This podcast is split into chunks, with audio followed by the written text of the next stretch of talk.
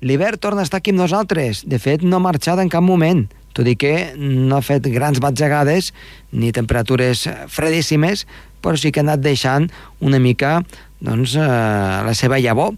La neu no ens ha faltat, tothom es queixa de que és un hivern que no és massa dur, però tant de bo tots fossin així, si més no, a les nostres contrades. La neu no ens falta, és molt abundant i sembla que encara pot tornar a caure. Comença el torb.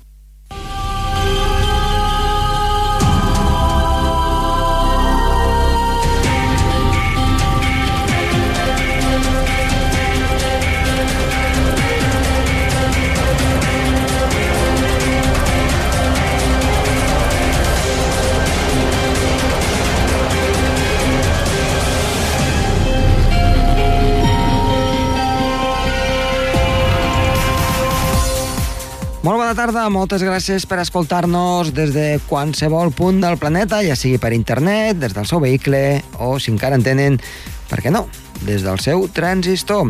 I és que avui parlarem amb Gerard Tauler de les zones del planeta on hi plou més, fins i tot de manera, podríem dir, monstruosa.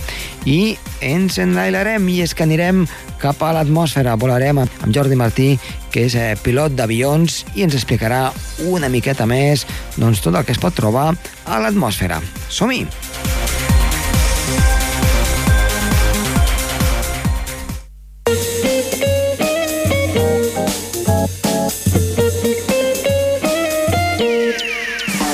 Iniciem el programa, com sempre, amb Gerard Tauler. Gerard, molt bona tarda.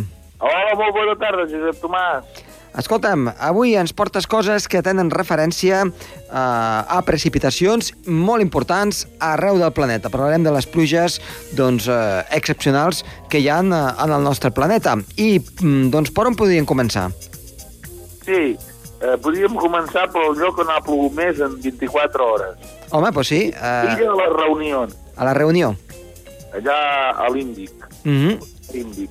A Cilaus, l'Observatori de Cilaus, van recollir 1.870 litres el 16 de març de 1952. 1.800 El litres. que a Girona en un any. 1.800 litres. 1.870, sí. En, en un dia. Sí. Per això devia ser torrencial, un huracà o una cosa així, no? Perquè... Segurament, segurament són ciclons tropicals, sí, sí, perquè amb aquestes latituds intertropicals les precipitacions tan intenses estan associades a això, a, a depressions tropicals. I a més a més amb una erosió brutal, suposo, perquè 1.800 litres en 24 hores, això s'ho emporta, sí, sí, una erosió impressionant, sí, sí. clar, s'ho emporta tot i el terreny ja no pot absorbir res, absolutament. Mana, sí, sí. Déu-n'hi-do, 1.800 litres, eh? eh? És per posar-se les mans al cap. Que, aquí, aquí no plou en un any, això. Clar, ni, ni a, No, no, a vegades no. ni en dos. No, no, Déu-n'hi-do, Déu-n'hi-do, això en 24 hores. Què més, què més ens portes? De fet, en, en un minut, en un minut també ens podem quedar ben molls, eh? Digues. A Brot, a la illa de Guadalupe, en aquest cas eh, el El Carib, Atlàntic, 38 litres. 38 litres en un minut. Sí, sí, sembla impressionant, eh? 38 litres en un... Jo crec que si, si, et fiques, novembre del 70. Si et fiques sota la dutxa amb l'aigua a tope, jo crec que no et cauen 38 litres en un Bueno, minut. Eh? no crec, eh? 38 litres és, és una bestiesa. És una bestiesa. Déu-n'hi-do, déu nhi déu eh? El que, pot, el que pot arribar a fer la natura i, i, i que a vegades doncs, el que diem, la realitat supera la ficció, eh? Sí, sí, sí. En 15 minuts, a l'illa de Jamaica, també al Carib, com a Guadalupe, Sí. 198 litres. Déu-n'hi-do, déu nhi déu Mira, aquest, aquest encara ho puc assimilar una mica més, eh? Eh? Aquest encara es pot assimilar una mica més. Però, però vaja, en quants dius, en quants minuts? 15, 15. Bé, bueno, Déu-n'hi-do. Déu-n'hi-do, déu nhi déu A, a, a Texas, en 2 hores i 3 quarts, 559 litres, que gairebé és el que cau a Barcelona en, en un any. Déu-n'hi-do. A més, Texas eh, és un, és un lloc molt àrid, no? Eh? Eh, Texas, eh, bé, és un estat molt gran, però bàsicament és àrid. Sí, No? és, és àrid cap al nord-oest, però cap al sud-est, a prop de la costa, els ciclons tropicals i les pluges són molt més fortes. Mm -hmm, clar, està, està al Golf de Mèxic, clar. Mm, Houston, sí, sí. Déu-n'hi-do, déu nhi Què més? Bé. Després de Cherrapunji, que ja sabem que és un dels més plujós del món, juntament amb el món Guayevale, ara. a Hawaii, Sí. el, tenen el rècord de pluja en un mes, 9.300 litres, el juliol de 1861. 9.000, més de 9.000 litres. Buf. En un any, ni- 26.470 litres, o sigui, el que plou més de 30 anys a Girona. Això en un any? Sí, entre l'agost del 1860 i el juliol de 1861. Déu-n'hi-do. I, i, i, però, però això cada... El so asiàtic, el vents de, del sud-oest que produeixen perquè hi ha una baixa damunt del continent, Sí. degut al del continent asiàtic, que, que, que treuen l'aire cap, al, des de l'oceà cap al continent i provoquen aquests aigües tan forts. Uh -huh, Déu-n'hi-do. I això, I això cada any no ho fa, però, però s'hi deu acostar, no? Sí, jo he llegit, m'he informat i el, el monzó també es produeix a, a la zona d'Àfrica i allà és molt menys freqüent. Uh -huh. Vull dir, a vegades hi ha anys que no es produeix el monzó tan, tan, tan típic com a, a Àsia. A Àsia és molt més... es dona més sovint, es dona gairebé cada any, cada any, cada any es dona amb les mateixes dates, es dona vull dir que es produeix. En canvi, allà a l'Àfrica a vegades hi ha anys que no, no es produeix d'una manera tan habitual, que plogui fort, i es donen aquestes sequeres tan fortes al Sahel que, donen, sí. Que, que produeixen aquestes crisis de subsistència, que Mhm. tant fam, sí, sí. Què més tenim? Aquí, si vols, posem les dades de, de, de, del País Valencià. A Xàbia va, va caure una quantitat impressionant l'any 1957. El 14 d'octubre van caure 871 litres, que diria que també és rècord d'Espanya. Uh -huh. Déu-n'hi-do, déu nhi eh, també, perquè a la zona mediterrània això és... s'emporta Sí. cases i tot, eh? Eh? Al Mediterrani, el que acabes de dir, s'emporta totes les cases, eh? Sí, sí, sí, sí, sí. sí. I a més a l'època, a l'època de, de que estàs parlant, que no, la construcció no A la era... Cauca, que és a prop de Girona, aquí a la Catalunya Nord, a prop de Molló, i Prats de Molló, Sí, el 18 d'octubre del 40 van caure 840 litres. I en dos dies, a Camprodon, entre el 17 i el 18 d'octubre del 40, vam tenir aquestes inundacions tan greus, mm -hmm. cada 800. Clar, nosaltres aquí recordem a Andorra també els aiguats del 82, però clar, eh, les precipitacions són, a veure, eh, eh deixa'm-ho dir així, eh, ridícules amb el que m'estàs explicant. Quan em va caure aquí a Andorra? Doncs mira, van a ser com a molt 200 litres per metre quadrat. 2 litres. Clar, a zones, a zones Ah, elevades ja cap a. França, cap al Carlit i tot això, és, eh, potser algun rècord de 400-500. Però, però clar, depèn d'on caigui, explicaves fa, fa unes setmanes, de que precipitacions de, de molt poca quantitat provoquen riuades, per exemple, al desert, no?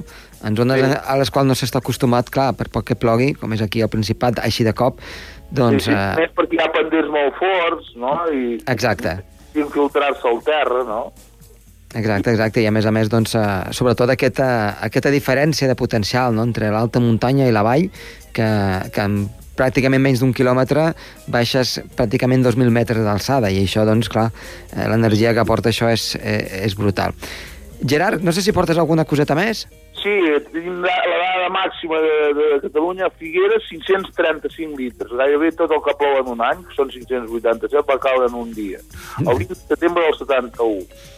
Déu-n'hi-do, déu nhi déu Inundacions aquí al, al Baix Llobregat i també a, a- aquí a Figueres. Que, que es va tallar el pont de l'autopista recentment Mhm. construïda de la- de l'AP7, Uh -huh. aquí a, a prop de, del Papiol.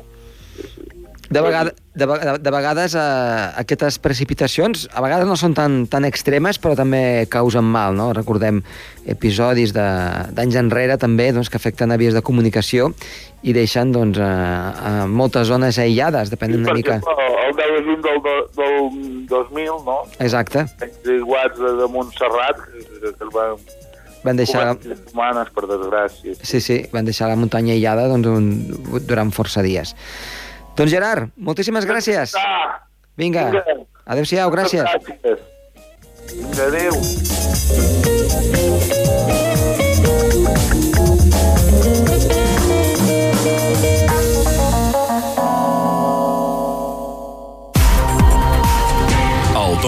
Amb Josep Tomàs. Avui ens en anem fins a l'aire, fins a dalt de tot de la tropopausa o de la troposfera, com li vulguin dir. Ara, ara ens ho explicaran una miqueta. Estem amb en Jordi Martí. En Jordi Martí és de Barcelona i ell és eh, pilot d'avió comercial, fa un munt d'anys que vola, també ens ho explicarà tot seguit, i avui el que volem és que ens expliqui què és això de volar, per què els avions volen i moltes altres coses que tenen a veure, evidentment, amb la meteorologia. Jordi, molt bona tarda. Hola, bona tarda, què tal, com esteu? Molt bé, eh, per aquest programa de meteorologia que fem cada dijous, el que ens agradaria avui és eh, volar una mica que ens expliquessis aquesta experiència com eh, pilot comercial que tens. Eh, això de volar és força complicat per als que no en sabem gens o, o tan sols han volat molt poques vegades. Com és que un avió vola? Quins són els Mira, processos? Una, un avió vola eh, simplement perquè es crea una força de succió sobre les ales, és una força que es diu sustentació, i simplement és una lluita de forces entre el pes de l'avió, la tracció que donen els motors i la mateixa força de sustentació. Perquè, clar, moltes vegades eh, una cosa és anar per sota l'aigua, que saps que no caus, no? que la, la llei de la gravetat és la mateixa, però t'esfonses molt més lentament i, en canvi, l'aire, al tenir una densitat doncs, eh, més baixa, la veritat és que la por a volar eh, existeix, suposo, des de, des de sempre. Home, jo penso que la por a volar és totalment respectable, però també és una por a lo desconegut D'acord? Vull dir, eh, jo, a part de la meva feina com a pilot de transport de lineària, també em dedico a una escola a formar pilots, sosteses, i dintre de les coses que té l'escola també són cursos per perdre la por a volar. Mm. Llavors, amb aquests cursos, eh, doncs simplement el que expliquem és per què vola un avió, que ja us he dit que era un tema de sustentació, eh, què passa a un avió quan té algun problema, i, eh, lògicament, com afecten els elements externs a l'avió, és a dir, la meteorologia, perquè un avió retrasa, perquè... Eh, bueno, intentar més que res donar tota la informació possible perquè la gent eh, tingui tot allò disponible al seu abast per saber on es mou i com es mou i per què es mou tot allò que envolta un avió. Mm -hmm. Vinga, ens anem cap a l'aire. Quin és aquest límit per poder volar? Velocitats que hem d'agafar o, o, o velocitat de creuer perquè no caigui l'avió? Tot això també no, suposa mira, que és... Eh, cada avió, depenent el, el, el tipus d'avió que sigui, uh mhm. -huh. necessita una velocitat mínima per volar d'acord? Uh mhm. -huh. Aquesta velocitat de, de referència li anomenarem velocitat de pèrdua, que és a dir, a partir d'aquesta velocitat cap a dalt l'avió vola i a partir d'aquesta velocitat cap a baix l'avió no és un avió sinó que és una pedra i llavors, com tu molt bé has dit, afecta la, la força de gravetat. Llavors hi ha avions que estan dissenyats per volar molt alt i molt de pressa, avions que estan dissenyats per volar a alçades mitjanes, és a dir, per sota la tropopausa, a una velocitat que permeti un transport ràpid, i avions que estan eh, dissenyats per fer distàncies curtes amb el que permet menys velocitat. És a dir, per classificar una manera, doncs els avions militars, per exemple, tenen unes ales molt petites i per obtenir aquesta força de sustentació necessiten moltíssima velocitat. Mm, per tant, és allò que quan més grans són les ales, eh, més superfície, més, més superfície tenim i més, eh, diguem-ne, a poc a poc podríem anar volant, que és una ah, mica exacte. el que veiem de eh, els aguilots quan, quan van planejant, no? Exacte. O, o els parapents o els ala delta, seria una ah, miqueta exacte, exacte. aquest aspecte, perquè clar, veus avions comercials d'aquests que, doncs, eh, que creuen els, els oceans i t'assustes una mica dels grans que són i que això es pugui aguantar l'aire, no? Suposo que aquesta por deu ser eh, totalment irracional, però és una mica la por de, que, que té tothom quan, quan veu aquests aparells.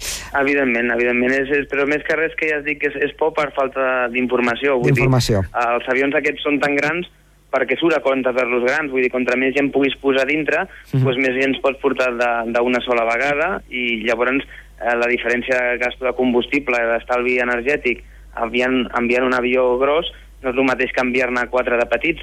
Mm. I per una altra banda, els avions són grossos perquè porten molta gent dintre. Al portar molta gent dintre, doncs necessiten més ala. Al necessiten més ala necessiten més eh, força. Llavors per això també volen en quatre motors i etc. Mm -hmm anem, anem a...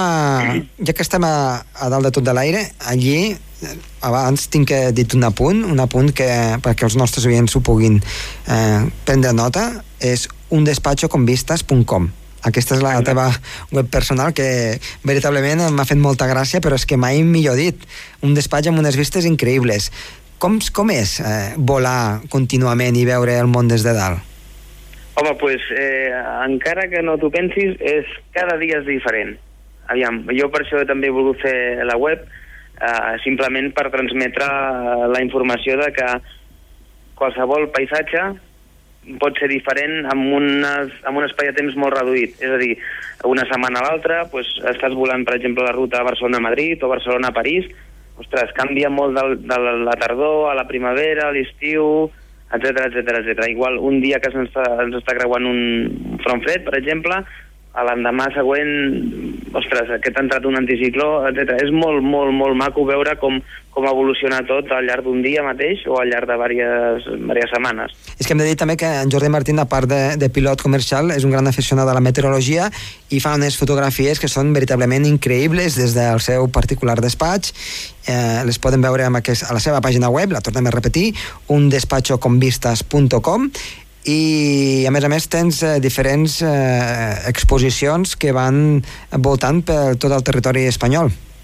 Sí, sí, sí, sí. ja et dic, el que m'agrada tot això és fer una tasca de divulgació. Eh, he estat durant molt temps pues, eh, pensant com fer-ho, eh, perquè em sap greu a vegades que deixes la cabina un momentet per anar al lavabo o que sigui a l'avió i veus la gent que està tothom mirant cap endavant, llegint el diari, respectable, però ostres, sí s'estan perdent un escenari i unes coses que es veuen a, per, a través de la finestreta que, ostres, no se les haurien de perdre. Jo la veritat Llavors, soc bueno, d'aquells que sí, eh, que sempre està pegada a la finestreta mirant a veure què és el que hi ha.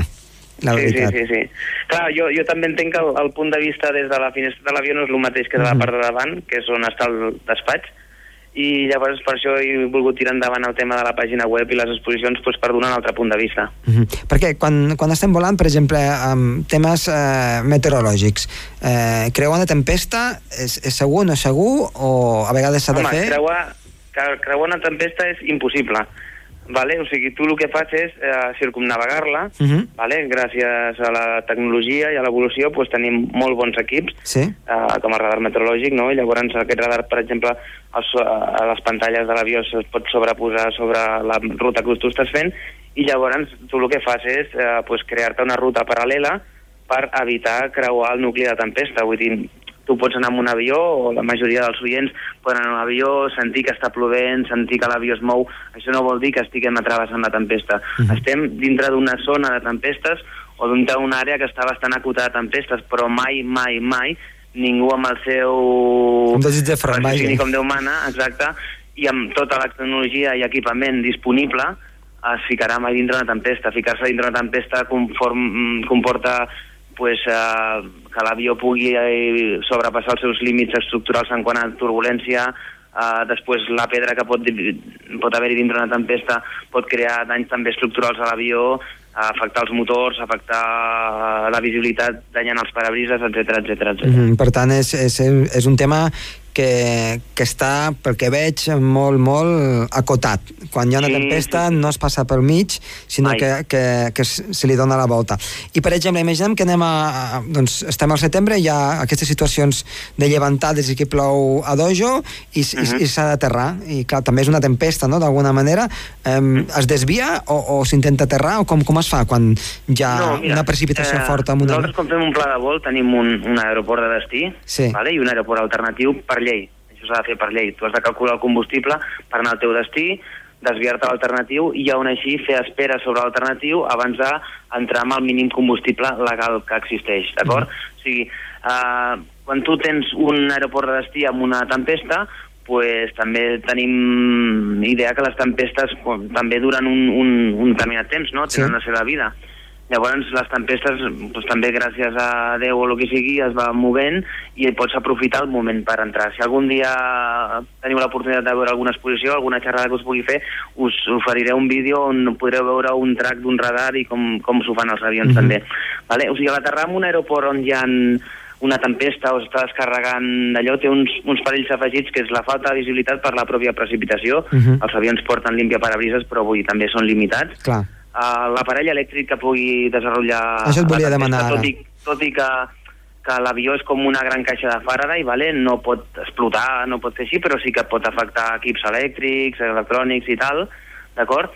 I després la turbulència induïda que pot tindre doncs, la cisalladura, annexada a la tempesta i tot això, és molt perillós. Vull dir, és més perillós inclús la turbulència associada que no pas la, la reducció de visibilitat d'acord? Mm -hmm. Després també tenim el problema de que la pista pugui estar contaminada, és amb un espessor d'aigua bastant important. Vull dir, tot això està, té unes limitacions. Els avions a l'hora d'aterrar tenen unes limitacions de vent, no poden aterrar amb vent en cua i no poden aterrar en segons quina quantitat de vent creuat.